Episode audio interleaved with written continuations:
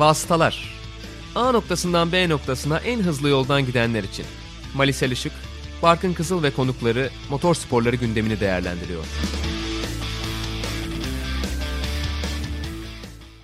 Vasıtaların 57. bölümüne hoş geldiniz. Sokrates Podcast'te 3. sezon 14. bölümümüzde karşınızdayız ve Hungaroring'deki Macaristan Grand Prix'sinin ardından bu yarış ağırlıklı olmak üzere bölümümüzü kaydediyoruz. Ben Barkın Kızıl, Mali Selişik'le beraber yine yarışlardan sonra hep olduğu gibi karşınızdayız. Mali hoş geldin. Hoş bulduk. Aslında Macaristan'ın sıkıcı yarışlarıyla bilinen bir ünü var. Hatta biz de önceki bölümlerde bazen takvim değişikliklerini konuşurken bazı yarışlar olmasa olur mu diye örnek verirken Macaristan ismini geçirebiliyoruz ama bu hafta sonu çok enteresan ve hiç unutulmayacak bir yarışı geride bıraktık. Doğrudan onunla başlayacağız. İlk izlenimlerini duymak isteriz. Şuna katılır mısın? Macaristan'da ya çok iyi yarış oluyor ya hiçbir şey olmuyor. Ortası yok biraz bence Macaristan'ın. Evet o anlamda biraz aslında ben Bakü'ye benzeteceğim ama yani Bakü'de biraz nasıl diyeyim örnek aralığı az. Yani genelde iyi oluyor yarışlar. Ama orada da kötü olunca kötü geçebiliyor. Çok sıkıcı geçebiliyor. Kötü hmm. demeyeyim de. ee, evet bence de kesinlikle katılıyorum buna. Ki yağmur da önemli bir faktör evet, oluyor. Yağmurda güzel oluyor. Var. Ben de onu söyleyecektim. Yani yağmurlu yarışlarda genelde zaten hani bol aksiyon ve hiç beklenmedik olaylarda görüyoruz. İşte bizim yarışımızda yağmurlu olur mu zaten tartışma maddelerinden bir tanesi. Yani takvimde mevsimsel olarak bulunduğu dönem dolayısıyla bakalım neler göreceğiz diyelim. Macaristan'a istersen başlayalım. Yani sıralama turları ile ilgili... Az önce şey mi dedim bu arada? Türkiye'nin meteorolojik konumu mu dedin takvimdeki? Tabii. E, gök haritasındaki. Neyse. E, Macaristan'dan daha doğrusu sıralama turlarından bahsetmek gerekirse sence öne çıkan noktalar nelerdi o şekilde girelim istersen. Ya sıralama turlarında e, herhalde 3. seansta e, Lewis Hamilton'ın e, biraz arkasındaki Red Bull pilotlarını tutmasıyla ilgili biraz tartışmalar oldu ama yani buna ne Christian Horner'ın ne Max Verstappen'in herhangi bir itiraz ettiğini görmedim. Hatta Helmut Marko'dan bile e, bu konuya dair bir eleştiri duymadım ben. Çünkü yapmaları gereken şeyi biliyorlar. İlk tur hakları sonrasında geride olan takım pist üstü pozisyonu elde etmek için önce çıkması gerekir. Onlar hata yaptıklarını bildikleri için bence çok da fazla bir şey yapmadılar.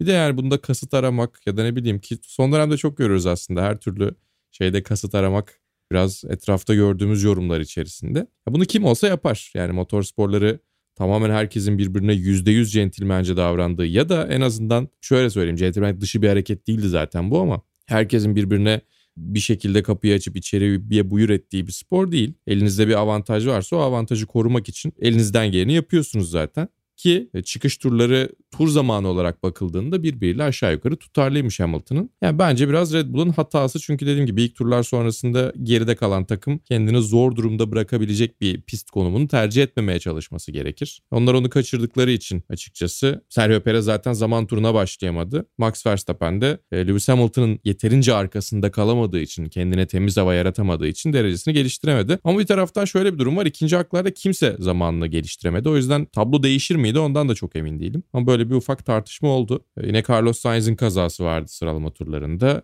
O da tabii ki yarışı bir şekilde etkiledi. Evet tabii Mercedes'lerin de sıralama turlarında aslında ilk iki sırayı alması önemliydi. Hungaroring'de tıpkı Silverstone'da olduğu gibi tekrar avantaj onların eline geçecek mi? Önemli tartışma maddelerinden biriydi bu Red Bull'a karşı ve aslında bir anlamda tek turda öyle olduğunu gördük ama yarışta çok da gidişat kimin daha üstün olduğu üstünde ilerlemedi. Diyelim yarışa da o şekilde pası atmış olayım istersen. Tabii ki yarışın hemen startında zaten ortalık karıştı yine Valtteri Bottas'ın çok iyi start alamadığını gördük. Bir süredir zaten bu konuda endişe duyduğunu söylüyordu Fin sürücü.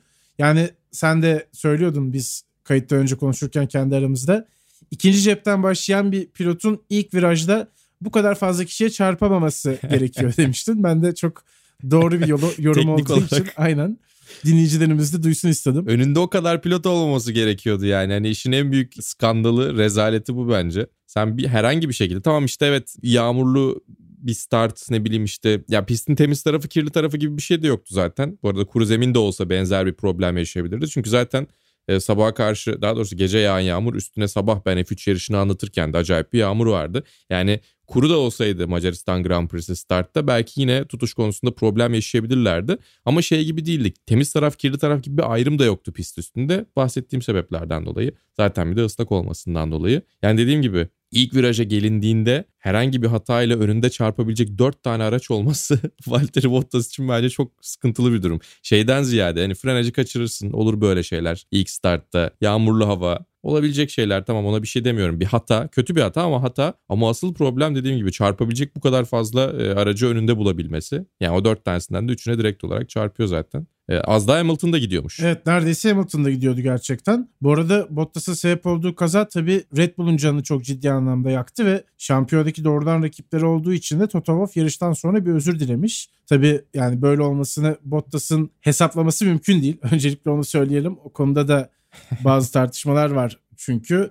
Yani Orada ben senin yorumunu çok beğenmiştim. Bottas onu hesaplayabilecek bir pilot olsaydı şu anda onun kariyeri için çok daha farklı e, senaryolar düşünüyor yani evet, zaten hani bunun hesaplanması nasıl olur? İmkansıza yakın bir durum. Mümkün değil öyle bir şey. Yani ya bu evet, arada şey de var tabii yani. Hani Formula 1'de pilotlar hiçbir zaman bilerek kazaya sebebiyet vermezler gibi bir şey söylemiyoruz. Çok acayip şeyler var tabii ki geçmişine baktığımızda da. Yani şu anki durumda standart bir start kazası açıkçası. Yani bunun arkasında tamam sebebiyet verdiği şeylerden dolayı ciddi etkileri oldu ama bunun arkasında daha fazla şey aramakta şey gibi oluyor. Timo Glock bilerek yol verdi muhabbetine dönüyor biraz. Evet zaten sürücü hatası ve Bottas kendisi de söyledi benim hatamdı diye. Tamamen kaçırılmış bir frenleme söz konusu. Bu darbeyle beraber Bottas'ın sebebiyet verdiği kazayla beraber tabii birçok isim yarışın dışında kaldılar. Lando Norris onlardan bir tanesi ki çok uzun süredir puan alıyordu üst üste. 15 Norris McLaren'la Hı hı. Evet 15 yarıştır puan kazanıyordu. Burada o serinin sonuna gelinmiş oldu. Bottas'ın sağladığı temasla beraber. Ve bir de Bottas tabi Norris'ten sonra gitti Perez'e çarptı. Perez'in de yarışı o noktada sona ermiş oldu. Hemen bu esnada arka bölümde Lance Stroll yine bir başka hata yaptı. O da yani yavaşlayamadım ya da yavaşlamadan ben buradan bu durumu toparlarım diye mi düşündü emin değilim ama virajı Mutlaka yavaşlayamamıştır tamamen... ya çünkü hani ben bunu buradan dönerim diye düşünmüyoruz. Hiç yani şeyde bile simülasyonda veya oyunda bile bir şekilde hani bir yerde fren yapmam gerekir diyoruz. Ben şey zannettim aslında yine seninle program öncesinde de konuşmuştuk. Bu arada ne kadar çok program öncesinde konuşmuştuk diyoruz. Bir bölüm de oralardan çıkıyor neredeyse. Sahne arkası, perde arkası diye. Acaba dedim çünkü bu sene pit çıkışının çizgisi değiştirildi Hungaroring'de. Normalde daha genişti ama yarış çizgisine de yakın gibi kalıyordu. Bazen tehlikeli durumlar ortaya çıkabiliyordu savunma halinde. Pitten çıkan birine denk gelebilme ihtimalini göz önünde bulundurarak e, iki aracın sığabileceği bir şeritten tek aracın sığabileceği bir şerit haline getirdiler. O boyada tazeydi mutlaka daha kaygandır diye tahmin ediyorum. Acaba dedim frenaj esnasında onun üstüne mi geldi ki Bottas için de onu düşünmüştüm. İkisi de herhangi bir lastiği o beyaz çizginin üzerinden geçirmemişler. O biraz beni şaşırttı. E, ve çok kötü iki frenaj ikisinde de. Evet. Belki yeterince ısıtamamışlardır formasyon turunda. Olabilir ama yani doğrudan sonuç olarak Leclerc'e çarptı o da. Yine Ferrari sürücüsünün de hı hı. yarışı Stroll'le beraber orada bitti. Ricardo da bir spin attı. O da belki hani sürpriz sıralamayla beraber daha önlerde olabileceği bir yarışta belki de ufak da olsa bir dezavantaj elde etmiş olabilir. Onun için dezavantaj olmuş olabilir daha doğrusu. Ve... E, tabii o konun ya önünde ya hemen arkasında dönecekti eğer öyle olsaydı. Sadece e, Bottas'ın kazası olsaydı. Gerçi Leclerc de olacaktı arada ama en azından iyi bir pozisyonda yer alabilirdi. Evet yani o ikili kaza yapsaydı Leclerc Stroll ikilisi yarış dışında kalsaydı Ricardo gerçekten öndeki mücadelenin içinde olurdu muhtemelen. Tabii podyum pozisyonunda olurdu. Ve bunun sonucu da kırmızı bayrak zaten çıktı. Herkesin malum olduğu gibi. Yarışın enteresan anlarından bir tanesi de tabii ki kırmızı bayraktaki daha doğrusu kırmızı bayrağın sonrasında Lewis Hamilton'ın tek başına startta cepteki yerini alması ve peşindeki herkesin pit alanına yönelmesi oldu. Tabii bu konuyu biraz konuşmak lazım. Lewis Hamilton pist üstünde lider sürücü olarak aslında nasıl diyelim hani arkadakilerin ona bakarak karar verebileceği bir pozisyonda ya da kimseye bakarak karar veremeyeceği bir pozisyonda daha da önemlisi. Hı hı. Ama sen de dedin ki zaten bu konuyla ilgili hani Mercedes'in takım olarak daha iyi bir değerlendirmesi değerlendirme yapması gerekiyordu. Ama sonuç olarak Mercedes takımı Lewis Hamilton'ı geçiş lastikleriyle pistte tutmaya karar verdiler ve e, normal bir şekilde start finish düzlüğüne devam etti pit alanına girmeden. Buna karşı peşindeki herkes pistin kuruduğunu düşündü ve lastik değişimi için pit yoluna girdiler. Oradan yarışa başlamayı seçtiler ve tarihte gördüğümüz herhalde en düşük sayıda araçlı start oldu bu. Yani tek otomobil. Lewis Hamilton'da bir garip hissettirdiğini söylüyor. Benim aklıma 2005 ABD Grand Prix'si geldi. O 6 araçlı Bridgestone kullanan otomobillerin start alabildiği yarış. Michael Schumacher kazanmıştı o gün. Sen de MotoGP'den bir başka örnek getireceksin galiba buraya. Ama çok enteresan. Herhalde bunu hiç unutmayacağız. Evet e, Jack Miller e, Arjantin'de benzer bir e, Bu sefer tabii o avantaj elde ettiği için diğerlerinden daha öndeydi. Oradaki durum daha farklıydı. Dezavantaj ortaya çıkan bir durum değil. E, çünkü direkt olarak e, formasyon turu başlamadan önce griddeyken kuru zemin lastikleriyle yer alıyordu Jack Miller. E, formasyon turunda bir baktılar. Onlar da kural, yani diğer e, bütün sürücüler e, kuru zemin lastiklerine geçmek gerek diye düşündüler. Onlar motosiklet değiştiriyorlar ya. Normalde ya birkaç sürücü olduğu zaman pit yolundan start alıyorlar ama geri kalan 23 sürücünün tamamı pit yolundan start alacağına sizleri gridin daha arkasına alalım. Araya şöyle bir 6-7 çizgi koyalım. Siz gridin arkasından start alın. Çünkü hepiniz pit yolundan start alırsanız birbirinize ezersiniz muhtemelen dediler. O yüzden böyle Jack Miller'ın arkaya baktığı Arada kocaman mesafe olan çok komik bir fotoğraf var. E, benim de aklıma o gelmişti. Ama açıkçası senin de söylediğin gibi çok garip e, ve uzun yıllar herhalde e, mizah sayfalarının da e, kullanacağı bir görüntü ortaya çıktı, bir resim ortaya çıktı. Ya bence burada problem şu. Az önce söylediğin şey çok doğru, çok makul ona da katılıyorum. Bu tarz durumlarda en önde olmak, ilk olmak biraz problem yaratıyor. Çünkü ters köşede kalabilme ihtimaliniz artıyor. Ama bir taraftan da ya aşağı yukarı iki buçuk sektör içerisinde pistin kuru olduğu belli. İleride yağmur gelebilme ihtimali tabii ki olabilir ama o anki şartlara göre en doğru tercih yapmak da bence Mercedes'in göreviydi. Orada hata yaptıklarını düşünüyorum. Ama tabii ilk araç oldukları için yaptıkları hatanın etkileri çok daha fazla oldu ve bir tur sonra zaten en geriye düştüler. Orada bu arada çok ufak bir durum da vardı. George Russell'ı ikinci sıraya çıkarken gördük e, yarışın yeni değinden start ile birlikte.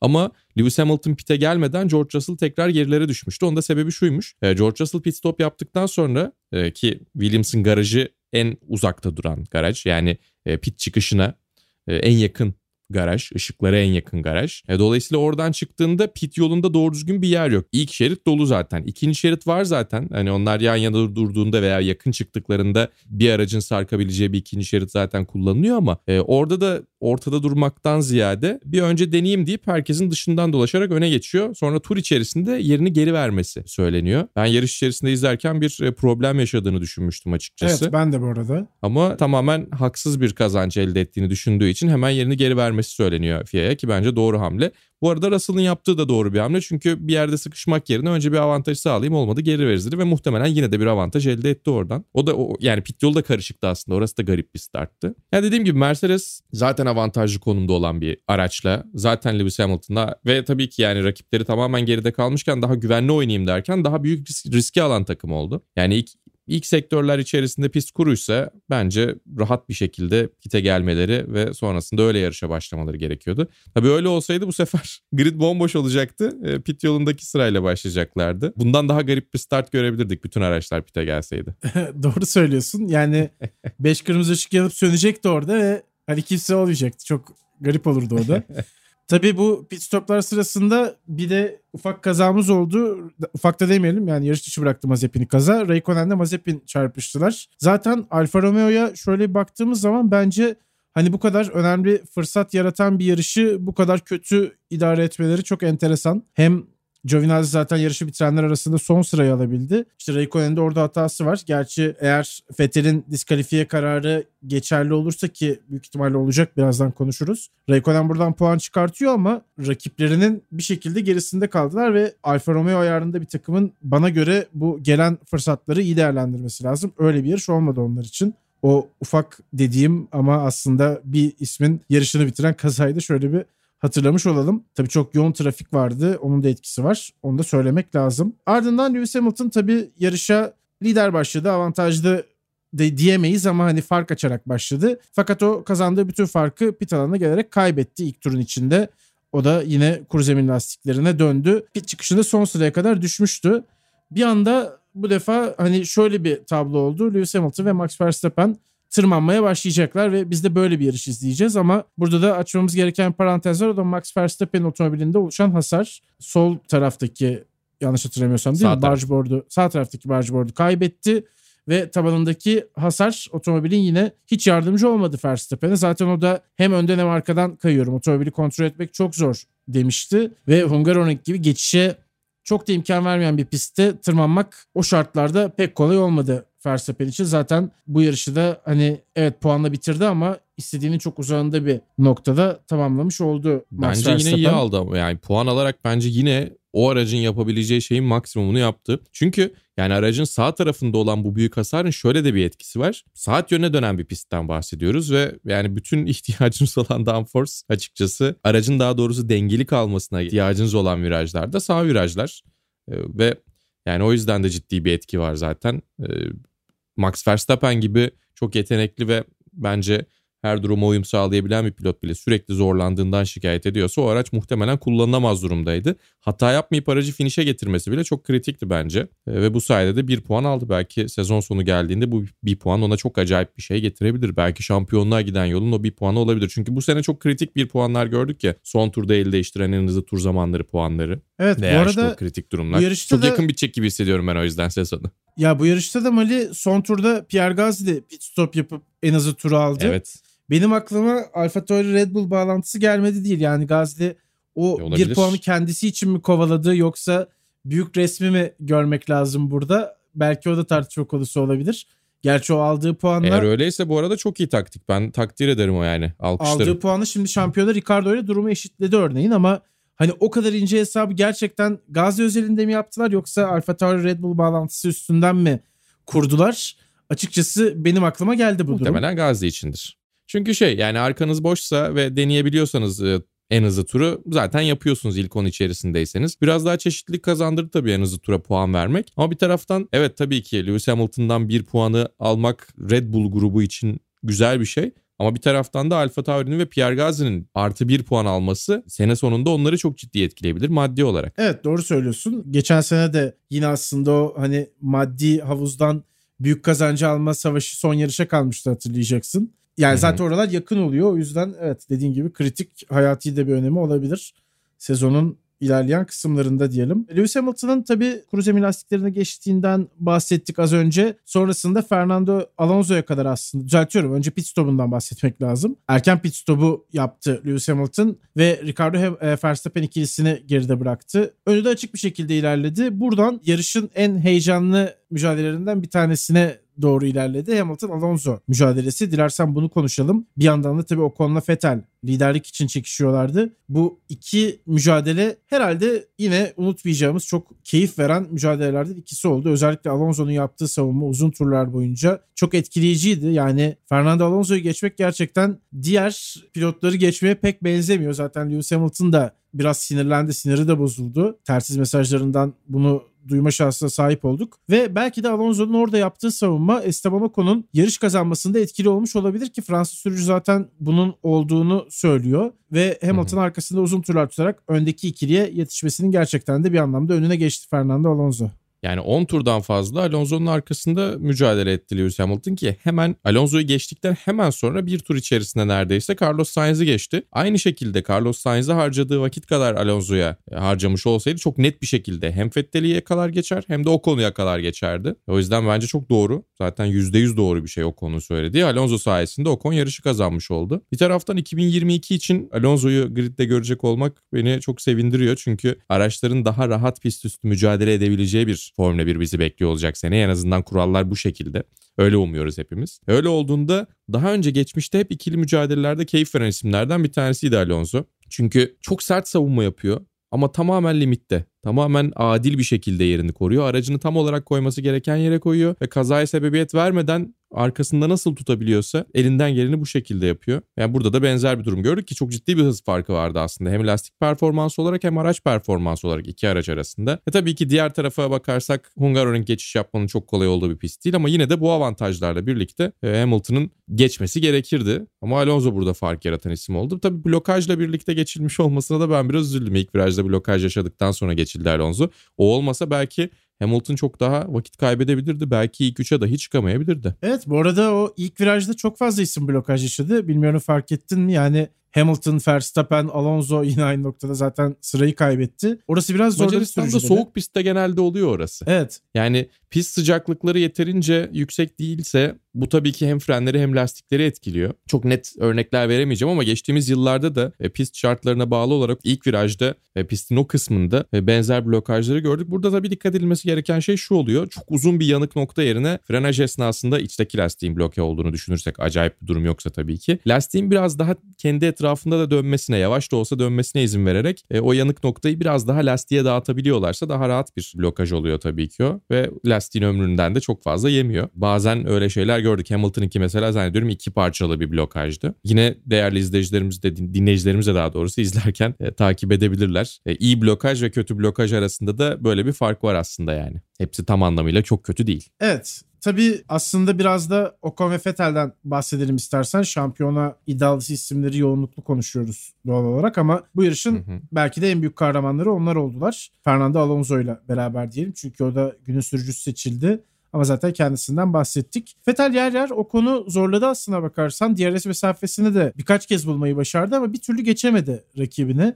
Ve tur bindirmelerde çok yaklaştı bence. Asıl orada fark yarattı Fettel. Evet yani o performansı aslına bakarsan bence hem Alpine'in hem Aston Martin'in yarış kazanma temposuna sahip olduğunu da gördük diyebiliriz herhalde. Yani tabii ki bu olaylar gerekli onların yarış kazanması için. Ama bugün daha doğrusu bu yarışta diyeyim Vettel de yarışı kazanabilirdi kesinlikle. Tabii diskalifiye olayını ayrı tutarak bahsediyorum. O bambaşka bir durum. Ama gerçekten de hani kime gideceği çok belli olmayan yine güzel bir yarış izletmiş oldular bizlere. Ve Esteban Ocon'un tabii ilk galibiyeti Formula 1'deki o da uzun yıllardır bu galibiyeti arıyordu. Alpine'in ilk yılında Alpine ismiyle yarıştıkları ilk senede galibiyet alması yine bir başka önemli nokta. Zaten Alonso'da yarış kazanacak tempomuz vardı dedi yarıştan sonra. Belki o yine ön tarafta olsaydı o da kazanabilirdi. Bu şekilde Alpin hiç hani beklenmedik bir noktadan çok iyi bir hafta sonu çıkartmış oldu. Hem şampiyon anlamında hem yarış galibiyeti almak açısından kesinlikle bu hafta sonu kazananı onlar oldular. Ve istersen artık Sebastian Vettel'e gelelim. Gerçekten hani uzun süre sonra bir podyum yakalamıştı. Yeni takımıyla ilk kez podyum yakalamıştı. İkincilik çok iyi sonuç elbette fakat işte bazı regülasyonların ihlal edilmemesi gerekiyor. Diskalifiye kararı gelebiliyor eğer bunu yaparsanız. Otomobilindeki yakıt örneği yeterli değil. 1 litre yakıt örneği alınabilmesi gerekiyormuş araçtan. Ve onda 3 litre alınabiliyor Fethel'in otomobilinden. Takım tabii buna bir itiraz ediyor ama sonuç olarak şu anda en azından muhtemelen diskalifiye olacağını söylemek lazım. Hala kesin konuşamamakla beraber. Yani diskalifikasyon kararı çıktı zaten ama Aston Martin buna itiraz ettiği için hala yarışın sonundaki sonuçlar geçerli. Karar yani bu süreç geride kaldığında olabilir diyelim daha doğrusu. Evet ama çok yüksek değil çünkü çok net belirlenmiş bir kural. Daha önce örneklerini gördüğümüz bir kural. Ha bundan sonra değiştirilebilir mi diye tartışılabilir belki. Ama yarış başlarken kurallar buydu ve bu tarz teknik kurallardan gelen diskalifikasyonlar genellikle tersine dönmüyor. O yüzden e, Fettel'in durumunun çok değişeceğini düşünmüyorum. Esteban Ocon özelinde de bence yine konuşmak gerekiyor. Oraya birazcık fazla hızlı geçtik. İlk galibiyet görmek bence hakikaten çok keyifli bir şey. Son dönemde sıklıkla yaşadık bunu. Umuyorum önümüzdeki yıllardan itibaren daha rekabetçi bir Formula 1 ile de e, ilk zaferini kazanan pilotların o sevinçlerini görebiliriz. İşte daha önce Gazli ile Perez'le yakın dönemde gördük bunları geçtiğimiz sene. Bu sene Ocon belki Lando Norris'in ilk yarış galibiyetini belki Carlos Sainz'in ilk yarış galibiyetini görebiliriz bu sene. Yine onlar da çok uzak değiller gibi duruyor. Ama bir taraftan orta sıralardan gelen sürpriz galibiyetler de daha büyük bir sevinç getiriyor sanki. Şöyle bir düşündüğümde yani Gazi'nin de Perez'in de acayip yarışlar sonrasında galibiyet elde etmeleri duygu olarak daha yüklü bir sevince sebep oluyor. Çünkü bir zaten çok stresli bir yarış oluyor. Olaylı bir yarış oluyor. E bir de tabii ki beklemedikleri bir galibiyet çok daha e, acayip bir noktaya geliyor diye düşünüyorum. E, o konu için de güzeldi. Yani hak ediyor zaten buralarda olmayı. Alpin zaten bunu bizden daha net bir şekilde düşünüyor ki çok uzun yıllar birlikte yarışacaklar. Ama e, Ocon ve Alonso ikilisi de eğer Alpin önümüzdeki yıllarda rekabetçi araçlar yaratabilirse ortalığı epey e, kasıp kavuracak gibi duruyor. Alonso bu hafta 29 Temmuz onun doğum günü. E, 40 yaşına girdi. Yani pasaportta 40 yazıyor ama ben 25 gibi hissediyorum dedi. Bunu da çıktı kanıtladı. İkisi de çok iyi işler yaptılar. Bir taraftan da Esteban Ocon gerçekten 1996 doğumlu. O gerçekten 25 yaşında. Ve e, Fransız takım Fransız pilot galibiyetini en son yine Olivier Panis'in çok acayip pite gelmeden kazandığı 1996 Monaco Grand Prix'sinde görmüştük. O zamanlar Esteban Ocon henüz doğmamıştı. E, Eylül doğumluymuş. Şöyle bir baktım ben kontrol ettim. E, oradan sonra da Aradan 25 yıl geçti ve Esteban Ocon Fransız markayla yine böyle mavi renkli bir Fransız markayla. Tamam tabii ki yani Fransız yarış rengi olduğu için denk gelmesi çok acayip değil tabii ama biraz paralellikler de var bahsetmek gerekiyor. Çok güzel bir galibiyet aldı. Umarız son galibiyeti olmaz çünkü yetenekli bir isim. Max Verstappen'le birlikte F3 Avrupa Şampiyonası'nda yarışmıştı Formula 1 öncesinde ve e, aşağı yukarı kafa kafaya performanslar sergilemişlerdi. Sonra tabii biraz daha zorlu dönemlerden geçti onun kariyeri. Bazen kötü performanslar sergiledi bazen çok daha aldığını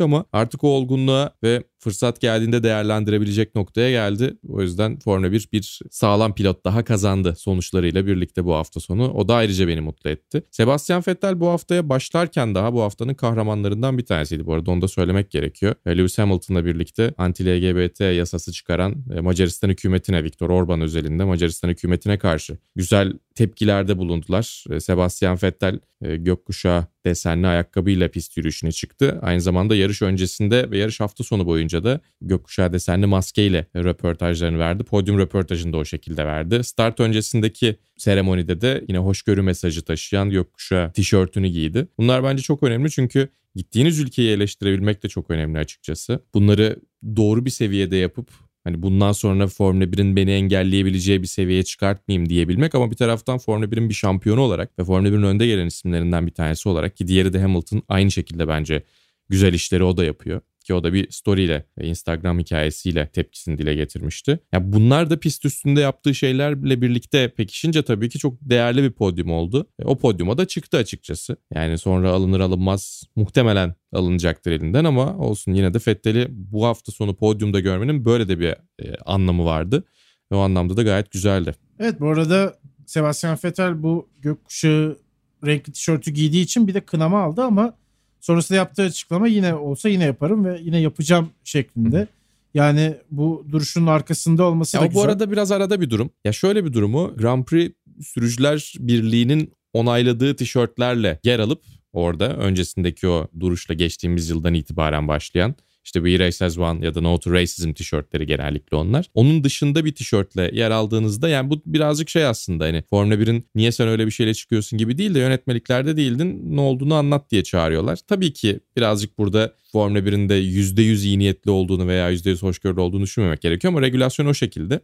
Yani bir taraftan milli marş seremonisi başladığında tişörtü de çıkarmaları gerekiyor. Onun dışında Carlos Sainz ve bir isim daha tam hatırlamıyorum yine tişörtlerini çıkarmadıkları evet, Stroll, için. Stroll ile Bottas onlar da V Race As One tişörtüyle kalmışlar. Hı-hı. Onlar ee, tişörtlerini işte çıkarmadıkları için ki, çağırmışlar hani, mesela. Evet ama şey hani yağmurlu hava o yüzden çıkartmadık gibi bir açıklamada yapmışlar. E, mantıklı güzel. Kadarıyla. Yani şey de olabilirdi. Bu tişörtler dışında bir tişört, bembeyaz bir tişört giydiği için de ifade vermek için, durumu anlatmak için çağrılabilirdi. O biraz prosedür aslında. Ha tabii ki Formula 1 bunu şey için kullanıyor mudur? Macaristan'dan bulunan yerel işte Otomobil Federasyonu'ndan veya işte hükümetten herhangi bir tepki gelse biz dinledik, çağırdık bu adamı. Bir problem olmadığına kanaat getirdik diyebilecek bir boşluğu da yaratıyor mudur bu fırsat? Belki yaratıyordur. Onu açıkçası bilemiyorum çünkü iç işlerini ve nasıl işlerin döndüğünü çok fazla bilmiyorum doğrusu. O yüzden de e, spekülasyon yapmak istemiyorum. Ama dışarıdan göründüğü kadar dramatik değildi. Yine de bu e, Sebastian Vettel'e e, mesajını pekiştirme şansı verdi. O açıdan yine aslında güzel bir işe yaradı. Evet aslında daha çok konuşuldu dediğin gibi. Evet. Fena da olmadı. Son olarak tabii yavaş yavaş yarışla ilgili konuşmayı kapatacağız. Şöyle bir puan durumuna ve şampiyonaya da bakarız değerlendirme anlamında. Ama öncesinde Williams'ı konuşalım istersen. Hı-hı. Onlar da hem Latifi hem Russell puan almayı başardı ve çok iyi bir hafta sonu geride bırakmış oldular. Hani Williams'la ilgili bu cümleyi çok fazla kurmuyoruz ama 10 puan birden... Artıyor ama son haftalarda da artıyor. İyi, evet, iyi evet, performans öyle. dediğimiz haftalar artıyor. Ya 10 puan birden çıkartmak çok önemli Williams gibi bir takım için. Hem Haas'ı hem Alfa Romeo'yu geride bıraktılar bu şekilde ve takımlar şampiyonası 8. sıraya yükseldiler ki burada olmaları onlar için herhalde alınabilecek en iyi sonuç diyebiliriz. Gerçekçi bir şekilde 8.lik olabilir hedefleri. Hı hı. Şu anda o istedikleri noktayı bulmuş durumdalar. Tabii George Russell'ın ne zaman puan alacağını herkes bekliyordu. O da bu yarışta gerçekleşmiş oldu. O anlamda yani Williams'ın bu fırsatı tepmediğini söyleyebiliriz. Az önce ben Alfa Romeo işte gelen şansı kullanamadı demiştim. Williams ise tam tersine bu şansı gayet iyi kullandı herhalde. Evet ve sezon içerisinde bu kadar acayip yarışlara ihtiyaç duymayacaklar açıkçası puan alabilecek konumda olabilmek için. Çünkü son birkaç yarışta benzer durumlar görmüştük. Yani Paul Ricard'a bütün araçların finish gördüğü bir yarışta George Russell 12. bitirmişti. O yüzden zaten eli kulağındaydı. Bu sezon artık puan alacakları neredeyse garantiydi ama ne zaman alacaklarını tartışıyordu. Çünkü geçtiğimiz yıllarda olduğu gibi ufak çaplı veya orta çaplı mucizeye ihtiyaç duymuyor gibilerdi. Özellikle de bargeboard güncellemesiyle birlikte. E, ama tabii 10 puan bir yarıştan çok acayip. 2018'den beri ilk defa da iki araçla birlikte puan aldılar. Bir taraftan şöyle de güzel bir durum var tabii. E, bütün bu başarının içerisinde Türk mühendis e, Oltan İzmirli'nin de e, emeği var. O da çok sevindi tabii ki ve yani Russell kadar Latifi kadar o takımın bir parçası bir isim olarak da hani bizden birinin de orada olması, emeğinin geçmiş olması beni çok memnun ediyor. Evet bu arada Oltan İzmir'de de takıma katıldığından beri inanılmaz bir yükseliş var Williams. Onu da e, yani söylemek lazım. Direkt olarak söylemek istemedim ben tabii ki çok da e, şey yapmamak gerekiyor diye ama açıkçası sonuçlar ortada e, belli. Biliyorsun bir iki, iki tane olay denk geldiğinde mutlaka biri diğerinin sebebidir. Bilimsel yaklaşım bunu gerektirir. Aynen öyle. Kendisini de tebrik edelim ama ne olursa olsun. Tabii ki tabii ki. Umuyoruz Williams da yine gerçekten iddialı takımların arasına döner. Buna ihtiyacımız var demeyeceğim ama bunu görmek çok isteriz. Öyle söylemek Hatta şey diyelim daha daha güzel bir şey diyelim. E, umuyoruz ileride e, Oltan'ı Williams adına e, galibiyet kupası alırken podyumda görürüz. Aynen öyle. Çıtayı da yükseğe koyalım. Aynen öyle. O şekilde bahsetmek bence de en iyisi olur. Bu arada Bottas'ın bir ceza aldığını söylemek lazım. Yarışın başında sebep olduğu kazadan dolayı Belçika Grand Prix'sinde Spa'da 5 sıralık bir grid cezası olacak Valtteri Bottas'ın. Lance Stroll'un da aynı şekilde. Lance Stroll'un da aynı şekilde. Ee, Biraz az geldi isim... bana ne dersin? 5 sıra grid cezası. Bottas bana, için özellikle. Bana, bana adil geldi açıkçası. Yani sonuçta hani bilerek yaptığı bir durum değil. Hani Değil tabii ki ama yani şey şampiyona veya işte e, etkilediği yer değil. Ona zaten bakmadığımızı e, Silverstone bölümü içerisinde detaylı bir şekilde konuşmuştuk. Ama 10 sıra grid cezası sanki daha iyi olurdu gibi geliyor. Yani çok da emin değilim. Bunun tam olarak yani start kazaları veya işte e, toplu bir kazaya sebebiyet verme konusunda en yakın örnekler neler bir oturup karşılaştırmak gerekiyor. Ama özellikle de güç ünitesine zarar verebilecek durumlarda yani siz mesela büyük bir kaza, bir start kazası, bir pilotun başlattığı start kazası içerisinde güç ünitesi hasar alıyor ve değiştirmeniz gerekiyor. Değiştirdiğiniz zaman ya da işte limitin üstüne çıktığınız zaman 10 sıra grid cezası alıyorsunuz. O yüzden 5 birazcık az geldi bana. Ee, peki bakalım nasıl etkileyecek? Belki onu da konuşuruz. Hani 5 sıra grid cezasıyla başlayıp nerede bitirecek Bottas? Belki ona göre de yani tam olarak aslında oradan çıkarı yapmak doğru olmaz ama Üstüne yine bahsederiz zaten Spa Hı-hı. yarışından sonra kaydettiğimiz bölümde. Bu arada tabii bir de Lewis Hamilton'ın podyum sırasında kendini iyi hissetmemesi var. Onu da konuşmak lazım. Zaten muhtemelen yarışta da etkilendi bu durumdan. Podyuma çıktığı zaman e, bir anda netliğin kaybolduğunu söylüyor. Yani onu nasıl ifade etmek doğru olur Türkçe'de emin olamadım ama gözlerinin çok iyi görmediğini söylemiş ve kendisi de çok iyi hissetmemiş Lewis Hamilton. Hani bayılmaya yakın bir durum mu onu bilemem ama bir kontrolden geçmesi gerekti kendisinin de. Kendisine de geçmiş olsun diyelim. Umuyoruz ki çok ciddi devamlılık sağlayacak bir durum yoktur ama evet, e, atlattığı Covid'le gibi duruyor. Evet, atlattığı Covid'le ilişkilendirilen bir durum gibi gözüküyor Hamilton için. Evet yani bu da tabii ki ne kadar sporun zirvesinde de yer alsanız, ne kadar fit de olsanız açıkçası etkilerinin %100 nereye gideceğini bilemiyorsunuz. O yüzden dikkat etmeye devam etmek gerekiyor. Böyle ufak bir kamu spotu sıkıştıralım araya. Bu arada Williams'tan bahsetmişken e, orayı da kapatmadan önce şunu söylemek istiyorum. Nicholas Latifi'yi de çok takdir etmek gerekiyor. Gerçekten hani biraz daha onu e, pay driver olarak düşünüyoruz belki ama bir taraftan da güvenli ve genelde hatasız sürüşüyle de ara ara takdir topluyordu. George Russell aynı şekilde Nicholas Latifi daha önde yer alıyorken yarış içerisinde ilk 3 pozisyonundayken eğer ona yardımcı olabileceğim bir şey varsa strateji anlamında beni feda edebilirsiniz. Önceliği ona yapalım lütfen dedi ve ikisi arka arkaya puan aldılar. İkisinin birden puan alması da güzel oldu. Çünkü eminim Russell puan barajı dışında kalsaydı da Latifi Williams'da ilk puanlarını alsaydı Russell üzülürdü. Tam tersi olsa ucu ucuna Latifi kaçırsa o da üzülürdü. Birlikte puanları almaları da güzel oldu. Yani o da hafta sonunun gülümseten detaylarından biriydi ondan da bahsetmek istedim. Evet doğru. Bundan sonra tabii ki bir yaz aramız var. Ağustos ayının sonuna kadar bir araya gidiyoruz ve bu araya giderken Mercedes ve Hamilton takımlar ve sürücüler şampiyonasında istediklerini almış vaziyetteler. Hamilton eğer Vettel'in diskalifiye olacağını kabul edersek Verstappen'in 8 puan önüne geçiyor. Mercedes de Red Bull'un 12 puan önünde olacak. Hani şu ana kadar sezonda biraz daha Red Bull'un önde olduğunu görmüştük ama sonuç olarak hani yaz arasına girmeden baktığımızda yine Hamilton üstün yine Mercedes üstün bu anlamda da enteresan oldu. Evet çünkü yani Max Verstappen herhalde 60 puana yakın kaybetmiş oldu şanssızlıklarla. Red Bull aynı şekilde. Yani şampiyonun yakın kalması tabii ki güzel ama bir taraftan da Mercedes ve Hamilton o kadar fazla puan kaybetmezken Verstappen ve Red Bull'un biraz daha şanssız tarafta olması. Yani dediğim gibi işleri zirvede yakın tutuyor olması açısından olumlu ama bir taraftan da insan üzülüyor tabii ki Verstappen ve Red Bull anlamında düşünüldüğünde. Yine de şey güzel tabii. En iyi araç ve en iyi pilot daha doğrusu en iyi araç diyelim genel anlamda çünkü iki pilotta da tabii ki puan aldıkları için öyle karşılaştırma yapmak daha doğru olur.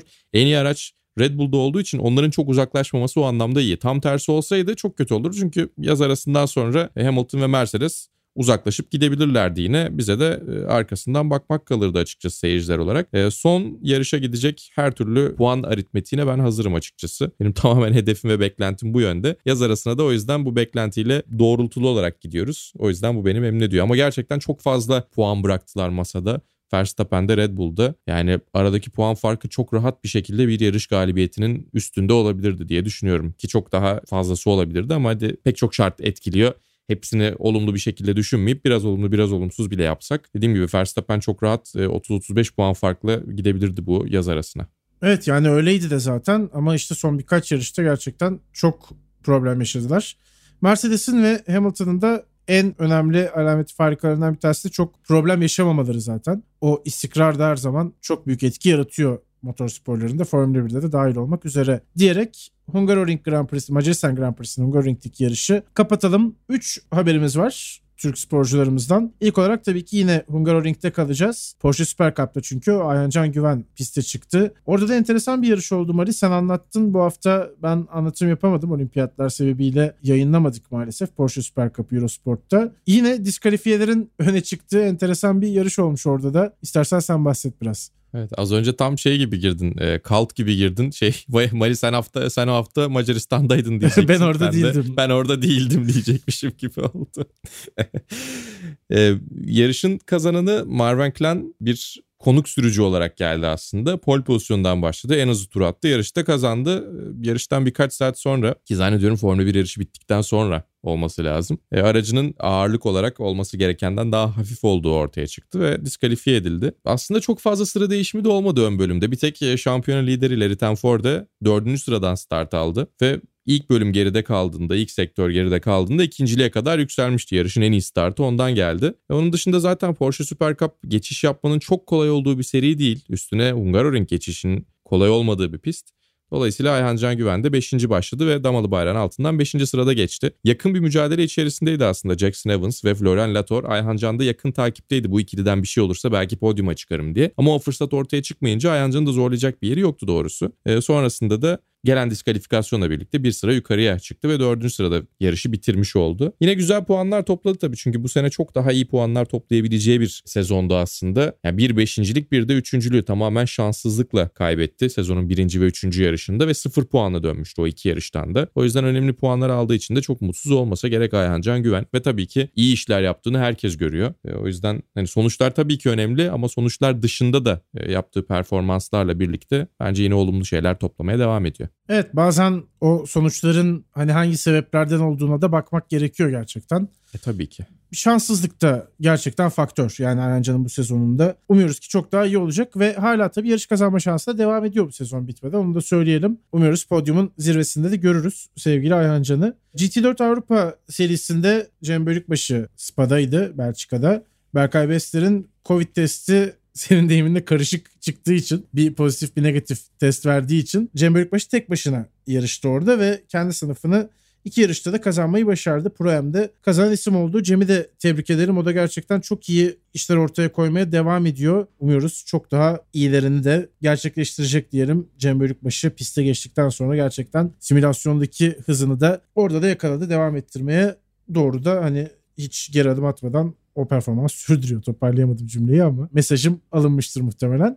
Ee, bir yandan da Bahattin Sofuoğlu o da İtalya Supersport 300 şampiyonasında iki yarışa çıktı bu hafta sonunda. İki yarışı da ikincilikle bitirdi. Kendisini de yine buradan tebrik edelim. Gerçekten bu jenerasyon harika haberler veriyor bizlere ve böyle de devam etmesini umuyoruz. Artarak devam etmesini umuyoruz başarılarımızın. Türk yarışçılarımızdan da şöyle bahsetmiş olduk. Ekleyeceğim bir şey yoksa bölümü kapatacağım Mali. Hı hı. O zaman bölümümüzün sonuna geldik diyelim. Yaz arasına gidiyor Formula 1. Arada bir vasıta bölümümüz olur mu? Olursa takipte kalınız. Size mutlaka duyururuz. Bir başka bölümde tekrar görüşmek üzere diyelim. Hoşçakalın. Hoşçakalın.